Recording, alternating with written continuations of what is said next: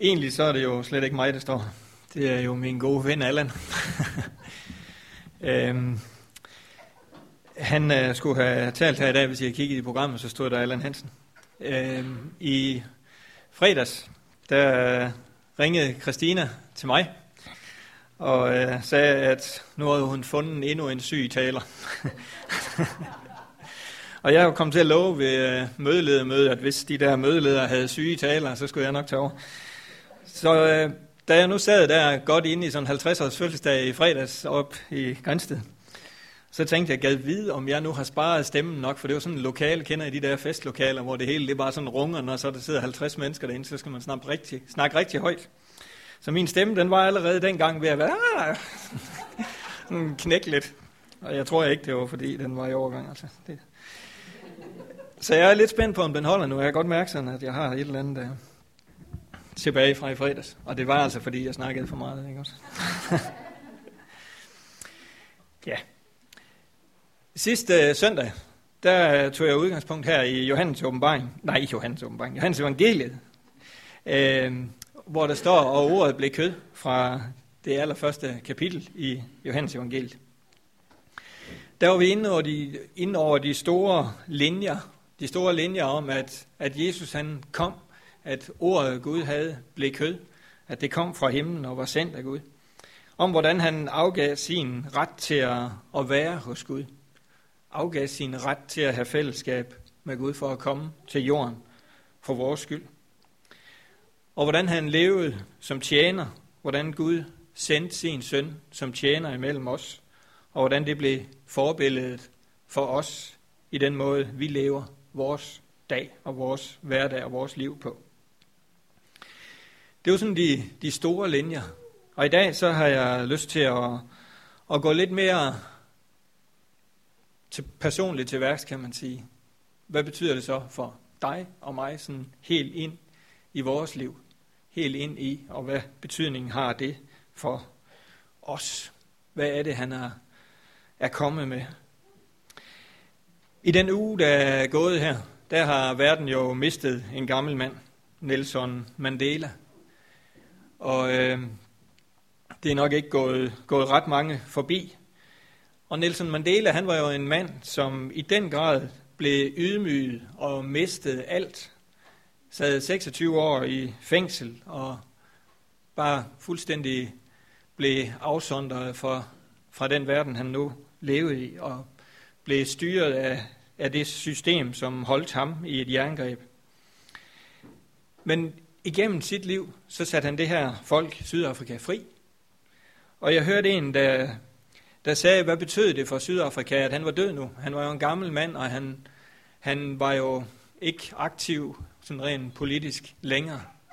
Så sagde ham, de spurgte, jamen det svarer næsten til, at Jesus han døde. Altså det var den betydning, han havde i den frihed, Sydafrika havde fået, var så stor. Der var en fangevogter, som sagde om Nelson Mandela, han blev min far, han blev min ven, og han blev min præsident. Han blev min far, han blev min ven, og han blev min præsident. Og det tænkte jeg lidt på. Øh, det måtte Jesus jo egentlig også gerne blive for mig. Han må gerne blive min ven, og han måtte gerne blive min præsident den vej rundt, at det er ham, der sætter mig fri til at leve i det land, jeg nu er sat i, i hans rige. Og at han måtte også gerne blive min far. Og det var også noget af det, vi var inde på, at vi fik et nyt faderforhold i søndags. I dag så skal vi tage udgangspunkt i Esajas, en profeti fra Esajas øh, kapitel 42 og de første ni vers. Øh, Esajas han skriver noget her om Jesus, og han skriver det jo faktisk 700 år før Jesus han kommer. Og den her lille stykke er en ud af fire, man kan finde i Esajas bog, hvor han beskriver Jesus 700 år før han kommer. Han ser 700 år frem i tiden. Det er sådan set, det er okay, er det ikke det? Hvis man sådan tænker over det det budskab, han kommer med, bliver først forløst, bliver først til virkelighed 700 år efter. Vi skal læse fra Esajas 42 fra vers 1 til 9. Herren siger, Se min tjener, som jeg holder i min hånd, min udvalgte, som jeg er fuldt tilfreds med. Jeg lægger min ånd på ham. Han skal bringe retfærdighed til alle folkeslag. Han går ikke rundt og skændes, og han råber ikke op i gaderne. Et knækket siv brækker han ikke. Et lys, der brænder svagt, puster han ikke ud. Han fører retfærdigheden igennem til sejr. Han giver ikke op og lader sig ikke kue. Han sørger for, at retfærdigheden vil sejre på jorden. Fremmede folkeslag, fremmede folkeslag ser frem til, hvad han vil lære dem. Herren skabte himlen og jorden, og alt hvad der er i den. Og han giver liv og ånde til hele skabningen. Han er Gud, og han siger til sin tjener, Jeg udvalgte dig til at gøre min retfærdighed og godhed kendt. Jeg holder dig i min hånd, og jeg våger over dig. Du skal oprette en pagt med mit folk og blive et lys for alle folkeslag. Du skal åbne de blindes øjne og sætte dem i frihed, og sætte dem i frihed, som er fanget i fortvivlelsens mørke. Jeg er Herren, det er mit navn. Ingen afguder kan sammenlignes med mig, og det er mig og ikke dem, der skal æres. Alt, hvad jeg forudsagde, er gået i opfyldelse. Nu vil jeg forudsige nye ting. Jeg fortæller jer, hvad der, skal ske, hvad der vil ske, før det er sket. Jeg fortæller jer, hvad der vil ske, før det er sket. Og det er præcis det, den her profeti gør. Siger noget om noget, der kommer til at ske. Vi kan jo sagtens læse det 2000 år efter, med den viden, vi har. Det kunne han, han skrev det jo ikke med viden om, at Jesus han ville komme. Han skrev det jo med det, han fik fra Gud. Han skrev det jo med den viden, Gud gav ham. Han havde jo ikke set det. Hvor kom han fra, Jesus? Det er det, det her vers, de starter med. Og hvad kom han med? I vers 1, der står, Herren siger, se min tjener, som jeg holder i min hånd, min udvalgte, som jeg er fuldt tilfreds med. Min tjener, som jeg holder i min hånd, han kom fra Guds hånd. Han kom fra at have siddet ved Guds højre hånd, sat ned på jorden. Han er sendt af Gud. Han er sendt af Gud. Der står videre, at han er fyldt med, med hans ånd. Jeg lægger min ånd på ham, står der. I Jesus, der kom ikke bare Jesus, men der kom Guds ånd også. Guds ånd var i Jesus. Han kom ikke bare som et menneske med, med det, et menneske nu kan. Han kom, fordi Gud havde sendt ham, og han kom fyldt af Guds ånd. Han kom fyldt af Guds ånd. Der står videre, at han skal bringe ret til folket. Og hvad var det for en ret, han skulle bringe til folket? Når vi tænker på ret eller retfærdighed, som der står her, hvad er det så? Hvad er retfærdighed? Jamen det er jo retfærdighed, det er jo det, vi kan sige, jamen det er retfærdigt, eller det er uretfærdigt. Men det var ikke bare den, den ret, det var ikke bare den form for retfærdighed, som vi kender og forstår den, han kom med. Igennem ham og den retfærdighed, han kom med, der skal vi komme ind i det rette forhold til Gud. Den retfærdighed, Jesus han kom med, skal bringe os ind i det rette forhold til Gud. Og uden at Jesus han var kommet, så kan vi ikke komme ind i det rette forhold til Gud. Vi kan ikke selv ved at være retfærdige med vores retfærdighedsbegreb komme ind i det forhold. Vi havde brug for den retfærdighed, Jesus han kom med, for at komme ind i det rette forhold til Gud. Det var nådens retfærdighed, som vi også var en hel masse inde på sidste gang. Nådens retfærdighed. Vi kan stå retfærdige, fordi han kom. Han opfyldte alt det, der skulle til for os.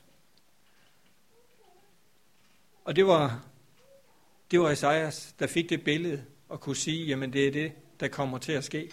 700 år før det skete, ind i en verden, der var præget af lov og retfærdighed. Ind i en verden, hvor forståelsesrammen var, at jeg skal gøre mig fortjent til at blive retfærdig. Jeg skal leve op til. Og der tænkte jeg sådan på, jamen det havde de jo brug for. De havde jo brug for, de levede jo under den der lov, så de havde jo i den grad brug for at blive sat fri. De troede så, det var en anden frihed, at, at Jesus han kom med, da han endelig kom i forhold til at blive fri af romerne. Det er en anden snak. Men de har jo virkelig brug for at blive fri af den der lov. de var jo så naive, at de levede under loven. Så tænkte jeg, hvad lever du under? Hvad lever jeg under? Har jeg ikke fuldstændig lige så meget i dag brug for at blive sat fri af loven? Af min egen lov? Af den lov, som verden omkring mig lægger på mig? Den lov, vi lægger på hinanden? Brug for at vide, at min retfærdighed ikke ligger i, hvor god jeg er, hvor dygtig jeg er, hvor meget jeg ved. Men den ligger ene og alene i, hvad Jesus han kom med og gjorde for mig. Jeg tror, vi har lige så meget brug for den frihed i vores liv, som de havde i forhold til, at de levede under loven i Gamle Testamentlig forstand, som vi kan læse om. Vi kan stå retfærdige, fordi han kom. Han kom fyldt af ånd fra Gud, sendt af Gud. Der stod videre i, i vers 2, han går ikke rundt og skændes, han råber ikke op i gaderne. Han råbte ikke op i gaderne, men han lod sit liv tale. Han gengældte ikke de metoder, herskerne brugt for at tage magten eller underlægge sig folket. Han gik stille rundt. Han kom som det mindste af alt, som det mest ydmyge af alt. Han gik ikke rundt og råbte op i gaderne. Jeg synes egentlig, det var sådan et, et godt udtryk i den autoriserede oversættelse. Der står, at han går ikke rundt og råber og skriger. det gør han jo ikke. Han går ikke rundt og råber og skriger. Det havde han ikke behov for. Han kom sendt af Gud, fyldt af ånd, og det vidste han var nok. Han behøvede ikke at råbe og skrige. Og det gør han heller ikke i dag i forhold til dig og mig. Han kommer til os med budskabet om, at han kan føre os ind i det rette forhold til Gud. Præcis som Esajas beskriver det. Mærker vi efter, hører vi efter, når han spørger om lov til at komme ind i vores situation. Når han spørger som det svageste, som det mest stille, der ikke kommer råben og skrigende, om han må få lov til at komme ind og forvandle din og min situation. Sådan som han kom stille ind i verden og, for, og forvandlede hele verden. Det kan han jo også gøre med dig og mig. Han kan gøre det med dit og mit liv, hvis vi giver ham lov til at forvandle det, ligesom han fik lov til at forvandle verden. Det var ikke så mange, der genkendt og anerkendt, hvem Jesus var, da han kom. Der var ikke så mange, der så, hvem det var, Gud havde sendt. De havde forestillet sig den der store hersker, der skulle sætte dem fri af romerne. De havde forestillet sig en, der kom og tog magten. Men det var ikke det, han gjorde. Han kom stille og ændrede verden, fyldt af Guds ånd. Og det er den samme Jesus, der kommer til dig og mig i dag. Stille og ønsker at få lov til at forvandle dig indenfra. Ønsker at få lov til at,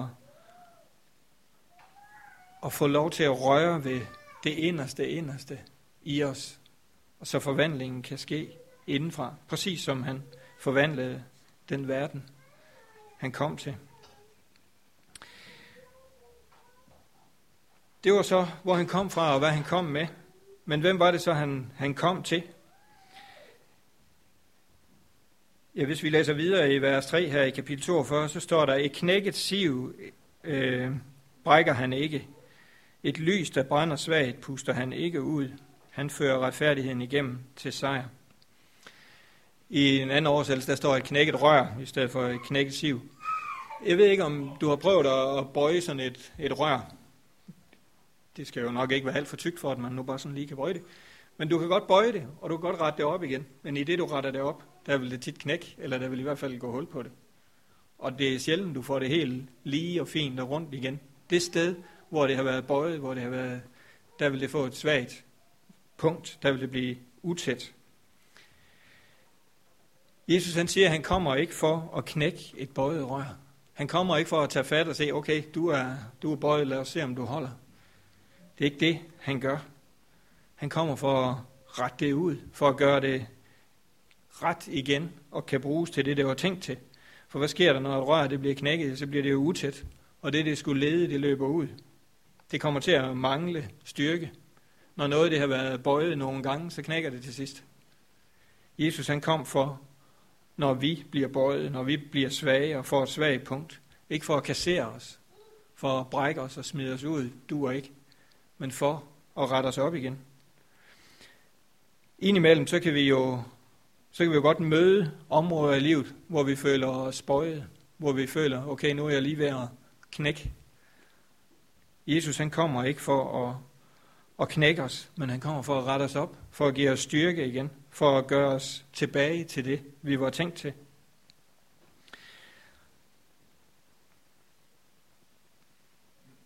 Der står, at han, øh, et lys, der brænder svagt, puster han ikke ud. Og Torben leverede jo det fantastiske billede lige med adventskransen heroppe. Igen i den anden oversættelse står der en osen øh, væge, eller sådan noget i den stil. Og det var det, der var med den her lys. Torben, han tændte det igen. Han fik liv i det igen, eller Nora, eller hvem det var, der gjorde. Og sådan er det også med os. Indimellem så kan vi føle, at vi bare er den der lille glød, der står og, og oser, og hvad kan Gud bruge den til? Hvad kan Gud få ud af den? Han kan tænde den igen.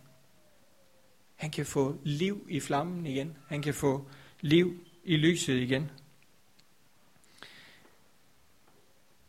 Og i vers 7 står der, at han åbner de blindes øjne. Er du nogle gange blind? Er du nogle gange blevet blændet, fanget i, at vi ikke kan finde vejen? Fanget i, at vi kan ikke se, hvor det går hen? Der står her, at Jesus han kom for at åbne de blindes øjne, for at vi kan få lov til at, at se igen. Vi kan sige, at Esajas han siger om Jesus, han tager det, der ser umuligt og ubrugeligt ud, og giver det nyt liv, og gør det igen til det, det var tænkt til at være. Og det er det, vi fejrer, at han kom for at gøre. Han kom for at gøre det, som var umuligt og ubrugeligt, til at få nyt liv og gøre det til det, det var tænkt til at gøre igen. Det er da værd at fejre. Det er da værd at fejre i julen, at vi kan få lov til at blive til det, han havde tænkt, vi skulle være. I vers 4 her, der står, at han giver ikke op. Vi kan prøve at, at læse det. Han giver ikke op og lader sig ikke kue. Han sørger for, at retfærdigheden vil sejre på jorden. Fremmede folkeslag ser frem til, hvad han vil lære dem. Når vi giver op, så giver han ikke op. Han gav heller ikke op, da han blev sendt til jorden. Han blev ved, selvom han i menneskelige øjne ned, led nederlag. Øh, han giver ikke op over for dig. Han giver ikke op, når du tænker, nu er der ikke håb for mig mere. Nu orker jeg ikke mere. Nu har jeg virkelig gået så langt ud i forhold til Gud, at nu er der ikke håb for mig mere. Han giver ikke op. Han bliver ved, indtil retfærdigheden sker fyldt. Og det er også det, han, han viste med sit liv. Det var det, han viste ved at gå hele vejen i forhold til at, at dø på et kors og overvinde døden for os. Selv de fjerneste øer, står der, skal høre om ham. De venter og længes efter at høre, hvad det er, han kommer med. Og jeg tænkte, hvad er de fjerneste øer i dit og mit liv? De fjerneste øer i mig er det, der er længst væk fra Gud. Så kan jeg jo give mig til at tænke over, hvad er det i mit liv, der er længst væk fra Gud? Hvad er det for nogle områder i mit liv, som jeg har sværest ved at tage ind, tage med ind i hans nærvær? Dem vil han også nå ud til. Han giver ikke op, inden han har fået lov at blive en del af det hele. Inden alle dele af verden har hørt, og alle dele af dig og mig har fået lov til at have fællesskab med ham. Ud til de fjerneste øer, ud til de fjerneste afkroge af dit og mit liv. Han ønsker at nå det. Og det, at han ønsker at nå det, det lægger jo, eller det understreger for mig initiativet. Det initiativ, som også ligger i, at han sendte sin søn til verden. Han med sit initiativ ønsker at nå de fjerneste områder af dit liv. Det er ikke sådan, han er bange for dem. Det er ikke sådan, han, han tænker, ja, ja, nu må vi se, hvornår han, hun kommer med det til mig. Han ønsker at nå det. Han ønsker at få lov til at blive en del af det. Fordi han ved, det han kom med, er stærk nok til at lyse det mørke område op, som han måtte se. Også i dit liv. I versene 5, 6 og 8 i, de her, i det her kapitel, der slår Gud fast igen og igen, at det er ham, der er kommet, at det er Jesus, der er kommet, sendt af Gud. Og det er kun igennem ham, at vi kan få lov til at møde Gud. De vers skal vi ikke gå en hel masse ind i, for de ligner en hel masse det, vi var inde på i søndags. I vers 9, der skal vi stanse lidt. Han fortæller om noget, øh, om noget, de ikke har set endnu. Det var det sidste vers, vi læste her. Øh, nu vil jeg forudsige nye ting. Jeg fortæller jer alt, hvad der vil ske, før det sker. Øh, Esajas fortalte folk om noget, der skulle komme, som de ikke havde set endnu. Han gjorde det for at tænde et håb i de her mennesker. Der var bare ikke så mange, der forstod det. Jeg tænker over at vide på Esajas tid, 700 år før Jesus han kom, hvor mange der kunne have sagt, det var Jesus, han talte om. Kan vide, om Isaiah selv var klar over det. Det har jeg ikke sat mig ned og grænsket og studere, om der er nogen, der har, har fundet ud af.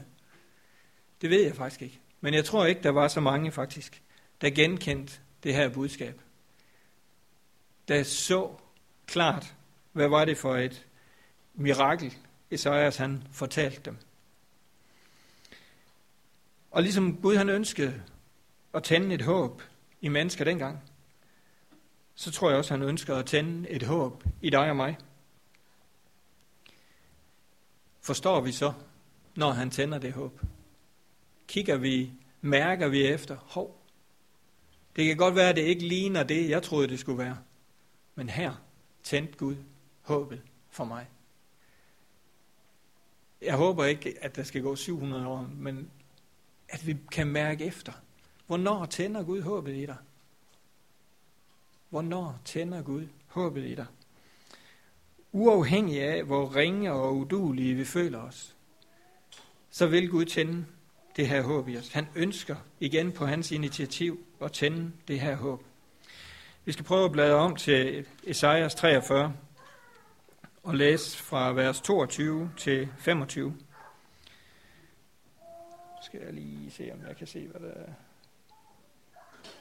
Der står, men det var ikke mig, I søgte hjælp hos. Altså det er Israels folk. Jakobs børn. I blev trætte af mig, Israels folk. I offrede ingen lam til mig, og I ærede mig ikke med offerdyr. Skønt jeg ikke stillede urimelige krav om høstoffre og røgelsesoffre. Alligevel købte I ikke vellukkende røgelse til mig, eller lod mig nyde offerdyrenes fedt. Nej, I bragte mig kun jeres sønder og, trættende, og trættede mig med jeres overtrædelser. Jeg skal nok læse videre, fordi ellers bliver det lidt sådan tungt der.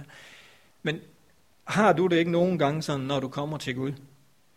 I bragte mig kun jeres sønder og trættede mig med jeres overtrædelser. Sådan kan jeg godt føle nogle gange, at jeg kommer til Gud. Gud, nu har jeg altså brug for, at du tilgiver mig igen. Gud, nu er det altså ved at brænde på for mig igen. Ligesom Israels folk kom igen og igen og var træt af det, der skete. Var træt af det liv, de levede til Gud. Sådan kan jeg også nogle gange synes, jeg kommer til Gud. Tænk, at Gud, nu gider du nok måske egentlig ikke at høre mere om, hvor træls jeg synes, det er. Op i bøvl, der kan ting blive træls. Det ved jeg ikke, om de kan hernede. Øhm, har I det ikke sådan nogle gange? Kan jeg vide, om Gud gider at høre mere på min elendighed? Det var det Gud, han beskrev, folket kom med til ham her i hvert fald. Så siger Gud, men jeg vil af egen fri vilje og for min egen skyld tilgive jeres sønder og ikke mere mindes dem. Det er det svar, han giver på et ulydigt folk, på et folk, der har svigtet ham, på et folk, der ikke har levet op til det, de burde. Så siger han dem, men jeg vil af egen fri vilje og for min egen skyld tilgive jer. Det er da fantastisk. Og det er jo præcis det, Jesus han var et udtryk for. At Gud han ønskede at sende sin tilgivelse på en måde til os alle sammen, så vi alle sammen kunne forstå det. Så vi alle sammen kunne tage imod det. Selv det her folk, som havde svigtet ham, gav han sin tilgivelse, fordi han ville det. Fordi han havde bestemt, at han ville tilgive. Ikke fordi han blev presset til det. Ikke fordi det var en nødløsning. Men fordi det var hans vilje. Og han gjorde det jo ikke igen igennem magt og råben og skrigen. Det var ikke det, der styrede. Men i dag, så er det vel det, der mange gange styrer. Jeg tænker sådan på alle de her revolutioner, vi nu ser rundt omkring i, i verden, i, i den arabiske del af verden. Og Hvad er det, der styrer der? Det er råben og skrigen. Det ændrer godt nok verden, men hvad ændrer det den til? Det er råben og skrigen. Når vi kigger på, hvor meget vi bliver bombarderet af ord og fjernsyn og reklamer, som vil manipulere med os, han har sagt, flytter os i hvert fald. Det er råben og skrigen, der kommer til at styre. Den, der råber højst, har ret. Men Jesus, han havde en anden dagsorden. Han ville ikke ændre tingene udefra. Han ville ændre tingene indenfra. Vi kan så nemt hoppe med på, jamen så må vi også råbe højt. Så må vi også give igen af samme skuffe. Tja, det var ikke det, Jesus han gjorde, så vidt jeg kan se. Han sagde, jeg kommer i stillhed, jeg kommer uden råben og skrigen, uden at give igen af samme skuffe.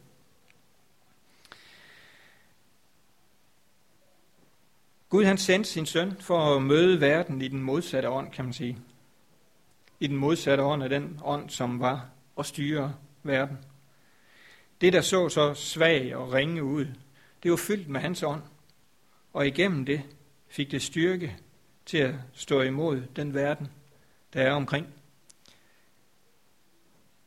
Da Jesus han kom og blev født ind i den her verden, så kunne han jo kun blive til det, han skulle, fordi han var fyldt af Guds ånd. Det var ikke, fordi han var noget fantastisk menneske. Jo, det var han jo.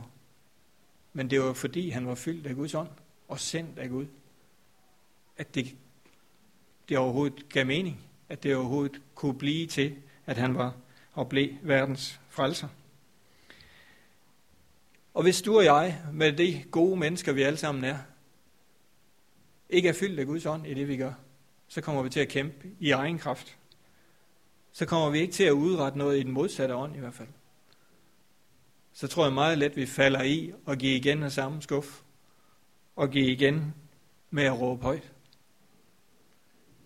Men når vi oplever, at det er Guds ånd, der får lov til at bringe budskabet igen os, selvom det ser ringe og svagt ud, selvom det i menneskelige øjne lider nederlag i det budskab, vi kommer med, så tror jeg, det skal sejre i den sidste ende. Sejre mere end alt råben og skrigen og snakken højt. Jesus han vidste, at hans far var fuldt ud tilfreds med ham, stod der i det første vers her.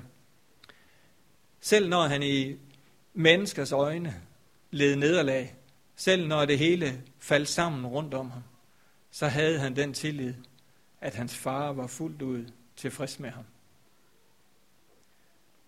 Er din far i himlen fuldt ud tilfreds med dig? Det tror jeg, han er. Han har skabt dig, som du skal være. Han har skabt dig i sit billede. Han har givet dig sin ånd. Det kan godt være, at du som Israels folk kommer og svigter i nogle ting, men han har valgt at tilgive dig. Og i den tilgivelse, der er han fuldt ud tilfreds med dig. Nu kan jeg godt tænke mig, at du lige sådan satte dig godt tilbage på stolen og tænkte over, hvad er det egentlig, han står og siger. Min far i himlen er fuldt ud tilfreds med mig. Hvordan mærkes det?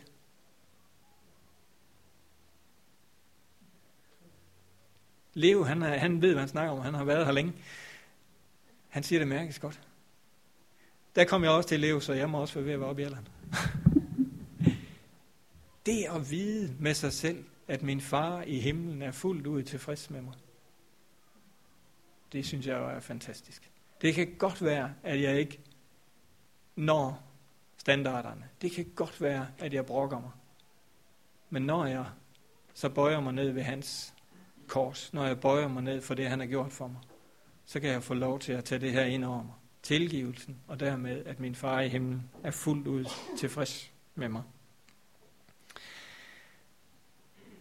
Jesus han kom til det, som var blændet og blind og brudt og var ved at gå ud. Han kom til det knækkede rør, han kom til den osende væge, og han kom for at genoprette det. Jeg tænker, vi kan gensplejse, men Gud han kan genoprette. Og det er lige godt bedre. Vi kan manipulere med en eller anden lille ting, og det er sikkert fint. Men Gud han kan genoprette. Det var det, han kom for. Det rør, som var knækket, det kom han ikke for at sætte en lap på. Han kom for at rette det ud og gøre det til det, det var tænkt igen. Han kom for, at det ikke fik et svagt punkt, der hvor det var blevet bøjet, der hvor det var ved at knække. Han kom for at møde dem, der havde svigtet og ikke levet op til det, der kunne forventes. Og sige til dem, jeg tilgiver jer, og jeg er fuldt ud tilfreds med det. Hvis du kan genkende og være et sted i dit liv, hvor du har brug for, at Gud han møder dig og genopretter, tænder vægen, som slukkede igen, og bare stod og osede, så tror jeg, han vil komme til dig også i dag. Så tror jeg, han vil møde dig også i dag. Og sætte sin ånd, øh, gør sin ånd virksom i dig. Jeg tror ikke, han vil fylde dig med din ånd, for det tror jeg allerede, vi er, når vi har taget imod. Men han vil tænde flammen igen. Han vil rette røret ud, fordi han vil forvandle og genoprette os indenfra. Så min udfordring til dig nu skal være, har du brug for, at der er områder, der er rør i dit liv, Gud han genopretter? Jamen så tag imod i dag. Jeg vil stille mig herover til siden om lidt og bede for dem, der måtte have lyst til at få hjælp til at bede om det her. Få hjælp til at bede om, at den der væge, den ikke bare står og gløder. Vi kan godt se lyset, vi kan godt se, at den stod og glødede heroppe, og vi grinede faktisk lige lidt af Torben, når han ikke så det. Men den væge, det bare står og gløder der. Har du det sådan, så tror jeg på, at Gud han vil sætte den væge i brand igen. Vi skal bede sammen. Far i himlen, tak fordi, at du valgte af egen vilje at tilgive her. Tak fordi du valgte af egen vilje at skabe en vej til dig. Og far, tak fordi du valgte os at tænde et håb i alle mennesker igennem og sende din søn til jorden her. Og far, tak fordi, at det ikke var en tilfældighed eller en nødløsning, men det var din plan, som Esajas skriver om 700 år før det sker her. Far, tak fordi, at du ikke er en Gud, der opererer med tilfældigheder og skæbne tro. Men du er en Gud, der ved, hvordan du har skabt verden, og hvad den har behov for, og hvordan du vil løse det behov. For tak fordi du er en Gud, vi kan få lov til at, at komme til, selv når vi har svigtet, selv når vi er blevet brudte og bøjet, selv når vægen bare oser og ved at gå ud her. Far, jeg beder om, at du også den her formdag og i den her tid, vi er i nu, vil minde os om, at det ikke bare er, er hygge og god mad, men det også er livet, vi fejrer. Det liv, som du gav os her. Amen.